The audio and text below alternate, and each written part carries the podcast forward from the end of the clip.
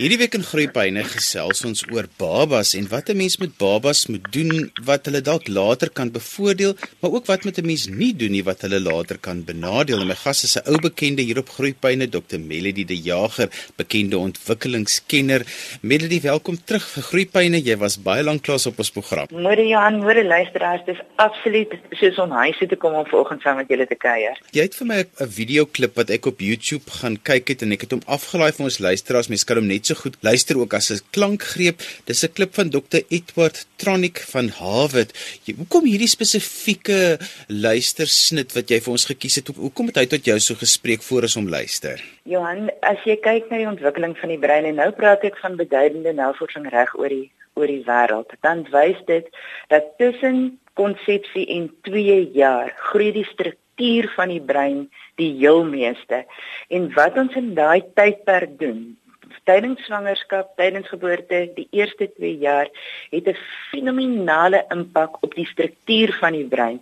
Dis maar nie die die ontwikkeling van die struktuur van die brein verwar met wanneer jy vaardighede ontwikkel. So kind ontwikkel nie al sy vaardighede vir die ouderdom van 2 nie, maar die struktuur van die brein is nie klaar nie, hy kan altyd verander. Hy kan kry en hy kan nog ontwikkel. Hy ontwikkel tot ons oud is eendag, maar dit is die mees beduidende tyd wat ons 'n impak kan hê op die toekoms van 'n kind, op sy denke, op sy emosionele lewe, op sy hele benadering tot die lewe en daarom was daardie klip wat ek wat ek op die greep wat ek gesien, gesien het, het vir my so impak gemaak. Hulle noem dit die blank face um, eksperiment waar dit spesifiek kyk na die effek van 'n ouer se interaksie met hulle kind op die kind. Dit het my so ontroer, dit my trane gehad. Melody, voor ons nou verder praat, ek gaan gou-gou vir ons luisteraars hierdie klankgreep speel. Dit is van Dr. Edward Tronic wat hier gesels van Harvard Universiteit. Babies this young are extremely responsive to the emotions and the reactivity and the social interaction that they get from the world around them. This is something that we started studying oh, 30, 40 years ago when people didn't think that infants could engage in social interaction. In the still face experiment, what the mother did was she sits down and she's playing with her baby who's about a year of age. I'm like a girl. Oh. And she gives a greeting to the baby, the baby gives a greeting back to her. Yeah. This baby starts pointing at different places in the world, and the mother's trying to engage her and play with her. They're working to coordinate their emotions and their intentions, what they want to do in the world. And that's really what the baby is used to. And then we ask the mother to not respond to the baby. The baby very quickly picks up on this. And then she uses all of her abilities to try and get the mother back. She smiles at the mother. She points because she's used to the mother looking where she points. The baby puts both hands up in front of her and says, What's happening here? Eh. She makes that screechy sound at the mother like, Come on, why aren't we doing this? Even in this two minutes when they don't get the normal reaction, they react with negative emotions. They turn away. They feel the stress of it. They actually may lose control of their posture because of the stress that they're experiencing. Okay. I'm here. And what are you doing? Oh, yes. Oh, what a big girl. It's a little like the good, the bad, and the ugly. The good is that normal stuff that goes on that we all do with our kids. The bad is when something bad happens, but the infant can overcome it. After all, when you stop the still face, the mother and the baby start to play again. The ugly is when you don't give the child any chance to get back to the good. There's no reparation, and they're stuck in that really ugly situation. Nou ons het sopas geluister na 'n klankgreep van Dr. Edward Tronic van Harvard. Melody, waarna het ons luisteraars geluister en wat het hulle gesien? Wat vir my die interessante deel was, is die tweede gedeelte waar die kind later selfs negatiewe goeders uitvoer om die ma se aandag te kry of net 'n gesigsuitdrukking by die ma te bewerkstellig. Johan, as as dit al is wat ons vandag in hierdie program kan regkry is dat mense besef hoe ongelooflik belangrik is interaksie. Nie speelgoed, nie deftige skole, nie nie elektroniese goed nie. Hoe belangrik is jou interaksie met jou kind of enige iemand wat 'n interaksie met jou kind het? Hoe ongelooflik belangrik dit is. Want die speelneurone in 'n kind se brein maak dat hy kyk en dat hy reageer. So as jy vir die kind niks gee nie, wat gaan hy waarop reageer hy? Op niks. So wat gee hy uit? 'n Stol gesig. En en die kind se ongelooflike behoefte aan interaksie. Hoe die kind deur deur die verskeidenheid en die en die stappe waardeur die kind gaan. Ehm um, dit die mamma ophou om om met met regtig kontak en aandag en teenwoordig te wees in die oomblik. Toe begin eers waai en toe kraai en toe begin hy huil en dit tipiese stoute goed van klap en skop en in lelike uh, geluide om te sê hoorie maar ek praat met jou. En dan wat my hart breek is wanneer die kind wegdraai en daai skouertjies wat sak. Die kind is nie 'n jaar oud nie en hy's klaar verwese hy klaar geleer ek maak nie saak nie. Ek maak nie saak nie. Goeie genigtig as ons so boodskappe op 'n gereelde basis vir 'n mens se kind gee wanneer jou kind jou aandag vra en ek praat nie van kinders met aandag kry 24 uur van die dag nie. Hulle moet ook leer om op hulle eie te kan aangaan. Maar 'n kind kan net leer om op sy eie aan te gaan as hy eers geleer het hoe om saam met iemand te wees. Jy kry mos petrol by mekaar. As jy kind eers daai petrol gekry het in interaksie en is gewoonlik 'n volwasse persoon, kan 'n boetie of 'n sussie of 'n neef of 'n niggie of of 'n oppasser of enigiemand anders ook wees. Maar dit is gewoonlik met die primêre versorgers en eh, kom ons hou nie op praat van primêre versorging. Ons praat liewer van pa en ma, wat is tog hulle wat die kind het. Hoe ongelooflik om te besef dit wat ek water gee, dit groei. Wat bedoel ek daarmee? Die soort van gedrag wat ek wys en my reaksie op my kind bepaal my kind se reaksie op my en op ander. Johannes, dit nie ongelooflik nie. Wat vir my interessant was as 'n mens nou die klankgreep luister is die die feit dat 'n baba so goed kan stem en gesigsuitdrukkings lees en dat 'n mens daardie daardie inherente kwaliteit van 'n kind se brein ten volle moet benut dat jy deur soveel as moontlik stem uitdrukkings en gesigsuitdrukkings moet gaan want dit is wat die baba geprogrammeer is om te lees op daardie stadium. Absoluut, jy weet die in die, in die verlede Johan was die fokus op kennis. En as jy nou kyk na al die slim mense, wat sê hulle, wat is die vaardighede van die toekoms? Dit het niks met kennis te doen nie. Kennis kry jy op op met jou met jou duim. Jy kry dit in op verskillende plekke. Daar's soveel meer kennis beskikbaar as wat in ons kom, koppe kan pas op 'n onlangse konferensie, se skoolste internasionale konferensie, het um, Nick Spalding gesê. Ek weet of hy die waarheid gepraat het nie, maar hy het gesê in 2016 het daar meer inligting kennis rondgegaan tussen mense se fone en rekenaars en goed as wat kennis rondgegaan het van die begin van tyd. Nou dit klink vir my onbaar. Die punt wat ek wil maak, kennis vir die toekoms is minder belangrik. Wat belangrik is is interpersoonlike verhoudings. Dus by die konferensie was in San Francisco verlede jaar was een van die aanleidings wat baie sterk gestaan het op sy standpunt dat dat die die vaardigheid van die toekoms is jou vermoë om saam te werk en saam met ander te wees. En dit beteken deel daarvan is emosionele intelligensie of nie-verbale kommunikasie ook is om om stemtoon waar te neem, om gesigsuitdrukkings waar te neem en natuurlik taal ook. Maar maar daai sensitiwiteit vir wanneer iemand vir my sê kom nader of die sensitiwiteit wat sê nou moet jy stop 'n kind is so fyn ingestel weens hulle speelneurone wat sê dit wat ek sien, dit gaan ek doen, dit gaan ek terugreflekteer. Dat jy 100% reg is Johan as as ons besef hoe sponsagtig daai baba se brein is vir indrukke wat die argitektuur van jou kind se brein gaan beïnvloed vir altyd. Jy kan dit verander, jy kan verbeter, jy kan verander maar jou basiese ek wil amper sê soos fabriekstellings. Ehm um, jy foon kry jy fabriekstellings. So as jy goeders opvoeter, dan kan jy dan weer teruggaan na fabriekstellings toe. So dit ons almal as mense het fabriekstellings. Ons het so natuurlike ingesteldheid waarna toe ons in ons terugneig en dit word baie sterk ehm um, beïnvloed deur omstandighede tydens ehm um, swangerskap en die eerste 2 jaar. So ons moet so, met soveel toewyding, daai eerste 2 jaar swangerskap en die eerste 2 jaar na geboorte, met soveel toewyding en sorg oppas.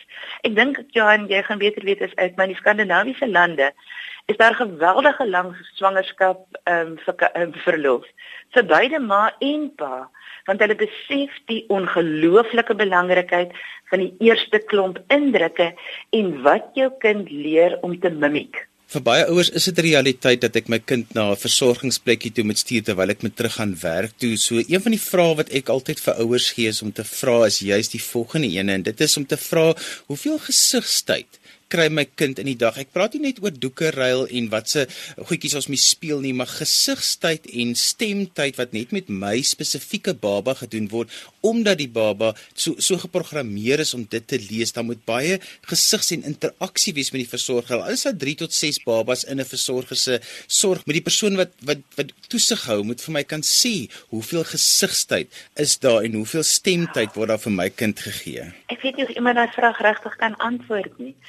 Ehm um, dit dit is juist die hartseer ding, maar dit is die realiteit. So ons kan nie hier praat van van Ethiopië hoe behoort goed te wees en sê elke ouer behoort vir die eerste 2 jaar by sy eie kind te wees en daarmee saam dit met vreugde te kan doen en op 'n manier finansiëel versorg moet wees sodat jy dit um, sonder spanning kan doen. So dit dit werk nie heeltemal mos maar so in hierdie lewe nie. So wanneer die skool dit nie kan doen en, en dis belangrik ja dat ouers besef die skool kan nie. Daai juffrou, ek dink die die rasio in ons land is 1 tot 5 baba. So een volwasse vir 5 babas. Hoeveel gesigtheid kan jy gee? Hoeveel kontak en stemtyd kan een persoon gee? Want daar's altyd iemand wat 'n doek of 'n bottel of 'n of 'n ding nodig het. So dit is moeilik. So waar moet dit heen gaan? Is as die kind help. Dis ek kyk of vinnig kan ons hom in die bed kry nie. Ons moet opvang want daai kind ons die kind se programmering vra. Gee vir my een op een aandag asseblief. Wel, hulle het 'n wonderlike manier om dit te doen. Of mense gee vir hulle aandag of of jy gaan later spyt wie jy het nie. Want daar's definitief 'n ego-effek. Kyk, daar's goed waaroor ons nie kan ons kan nie voorspel nie. Die menslike wetenskappe kan jy nie voorspel nie. Menslike wetenskap se navorsing werk meeste van die tyd agteruit. Jy kyk wat kinders met sekere probleme in gemeen het en dan gaan soek jy deur vrae onderhoude en vraelyste en goed, gaan soek jy wat het hierdie kinders in gemeen? Wat was hulle ervaringswêreld wat in gemeen was? Wat wat was hulle omstandighede? So ons kan nooit voorspel nie. Ons kan nie sê as dan nie. Dit werk nie in menslike wetenskap baie gemaklik so nie. Maar navorsing het gewys as daar 'n tekort aan aan sekere stimulasie is en ek praat glad nie van speelgoed nie. Speelgoed vervang interaksie. Meeste van die tyd vervang speelgoed en dis die rede hoekom ons speelgoed koop om die kind besig te hou. Maar dit vervang interaksie. Maar as daai kind genoeg interaksie gehad het, dan dan kry hulle kry ook genoeg daarvan. Dan wil hulle ook 'n bietjie tyd op hulle eie hê. Hulle wil ook so 'n bietjie bietjie net wees sonder stimulasie en interaksie vir internalisering van daai inligting. So maar as hy nie genoeg aandag kry nie, gaan hy hy gaan daarop aandring op baie verskillende maniere. En mag alle kinders daarvan bewaar word dat hulle so min positiewe aandag kry want wat gebeur op die ou einde? Ons gee hulle negatiewe aandag. En in die Afrikaanse kultuur beteken dit baie keer straf. Dink aan dissipline as straf Met ander woorde, ehm um, dit is nie waar nie. Dissipline beteken om 'n kind te leer. Dit kom van Latyn wat beteken om 'n kind te leer, nie om 'n kind te straf nie. So 'n kind se gedrag word negatief. En nou kry die kind ten minste negatiewe aandag, maar ten minste is dit aandag. So genoeg aandag maak amper asof 'n kind aan jou vasplak. En as hy eers vasgeplak was, want hy het gesigtheid en, en stemtyd gehad met jy en net hy vir 'n klein rukkie dan is hulle gelukkig en tevrede en is amper versadig om weer aan te gaan op hulle eie.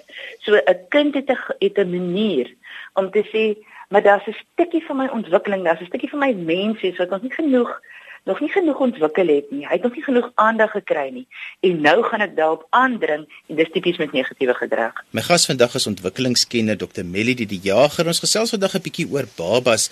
Melody nog so 'n paar ander aspekte rondom babas. Ons het nog gepraat in die eerste gedeelte oor hoe belangrik gesigstyd is en gesigsuitdrukkings en om regtig met jou baba interaksie te hê. Wat is nog belangrik? Ehm um, Johannes, my interessant dat dat voeding soog. Weet, borsvoeding, voeding is nie is nie erkende mylpaal as jy na enige kaart kyk nie. Maar maar ordentlike en korrekte voeding is ongelooflik belangrik. En ek het dit as mamma self nie eers besef nie en een van my eie kinders regtig nie um, in 'n slaguister getrap daarmee want ek het gedink my kind was so slim want op 'n baie jong ouderdom het my kind van die bors af gegaan en oombliklik uit 'n koppie begin drink. Jy weet en ek wou eintlik 'n bietjie rondgaan en vir mense wys hoe slim is hierdie klein babatjie van my wat so uit 'n koppie uit drink. Min wetende dat ek eintlik besig is om 'n deel van sy breinbedrading op te voeder want goeie voeding, daai goeie vasvat en ordentlike suig, die die sluiting van die lippe, die interaksie van die van die wange, die interaksie van die tong. Ja, dit is vreeslike harde werk om die korrekte hoeveelheid suigkrag te veroorsaak dat 'n baba reg kan suig. Is voorbereiding vir duidelike spraak later aan. So aandag gee aan goeie suig is baie belangrik en ek vind dit vreemd dat suig aan 'n aan 'n fop of 'n ding so so erg opgefrons word op die oomblik want baie babas het meer behoefte aan suig om hulle suig spiertonus reg te kry vir duidelike spraak later aan. So dis een van die goed. Rol is ongelooflik belangrik. En dis hoekom dit so belangrik is dat 'n baba nie die hele tyd aan 'n stoeltjie of in 'n waantjie of in enige beperkte omgewing is nie. Hoe kleiner die baba, hoe meer moet die baba plat op die grond lê vassuig teen die suigkrag van die aarde want dit skep ongelooflike um, gevoel van geborgenheid. En wanneer die babatjie so lê, dan beweeg hulle outomaties lekker. Hulle beweeg hulle arms en die bene, hulle skop, hulle maag en maag en rugspiere ongelooflik sterk in voorbereiding vir omrol. Hoekom is dit so belangrik? Omrol veroorsaak lateraliteit. In 'n woorde, dis die bewustheid dat my lyf twee kante het en dis krities belangrik om eers te weet jy twee kante en dat daar 'n middellyn tussen die twee is voor jy die middellyn kan kruis in voorbereiding vir lees en skryf later. Meerige grondslagfase juffrou sal sê kind het 'n probleem met middellyn kruising. En middellyn kruising is nie 'n nuwe ding nie. Dit kom van die babatjie af en wanneer mense die baba die geleentheid gee om te skop en te on, uh, vry te ontwikkel plat op die grond, dan kan jy probleme met lateraliteit of middellyn kruising en daarmee saam lees en skryf later ongelooflik verbeter. En terwyl die baba so sy linker en sy regterkant ontwikkel, moet jy onthou, hy hy affekteer die teenoorgestelde kant van die brein. Soos my regterarm en been beweeg, dan gaan dit mal hier in sy linkerbrein soos wat die neurone um, aan die lewe kom wanneer hy sy linkerarm en been beweeg, gaan die regterbrein te kere. Hy sê, "Yes, ons is besig om ongelooflik mooi te ontwikkel." So 'n baba wat op die grond lê en skop, is nie besig om op die grond te lê en skop nie. Hy is besig om sy brein te ontwikkel.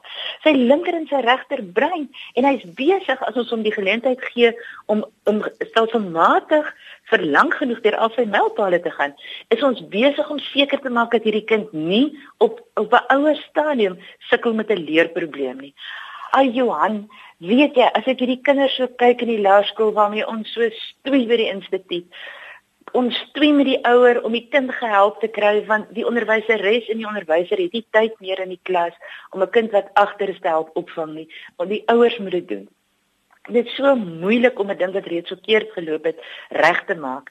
As ons as ons net kan mooi aandag gee as 'n baba jonk is en ons maak seker hulle sit nie in 'n sitstoeltjie nie, maar hulle ontwikkel die, die spiere wat nodig is en ons doen optrekke met hulle. Die pappa is so belangrik, want pappa speel outomaties ehm um, meer rof of 'n bietjie meer fisies as wat mamma doen. Mamma koer gewoonlik 'n bietjie meer, pappa speel 'n bietjie meer rof. Ek tipeer nou, maar dit kom ons maak dit nou maar so vir vanoggend daai optrekke, die opsitte wat 'n mens in die daar waar mens gaan oefen. Ja, en ek gaan nie so net so weet wat die ding se naam nie.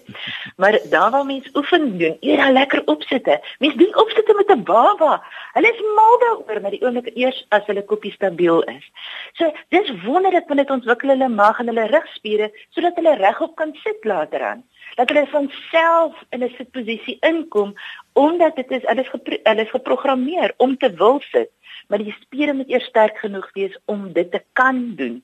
So dan kan die wils behoefte eers uitgevoer word. Wat as hulle dit nie doen nie? Dan kan hulle nie reg op 'n stillende stoel sit nie. In Johannes se kind nie reg op 'n stillende stoel kan sit nie. Dan dit, dit dan kan die oë soos 'n kamera, dan werk die oë nie so goed as wat die oë kan werk nie.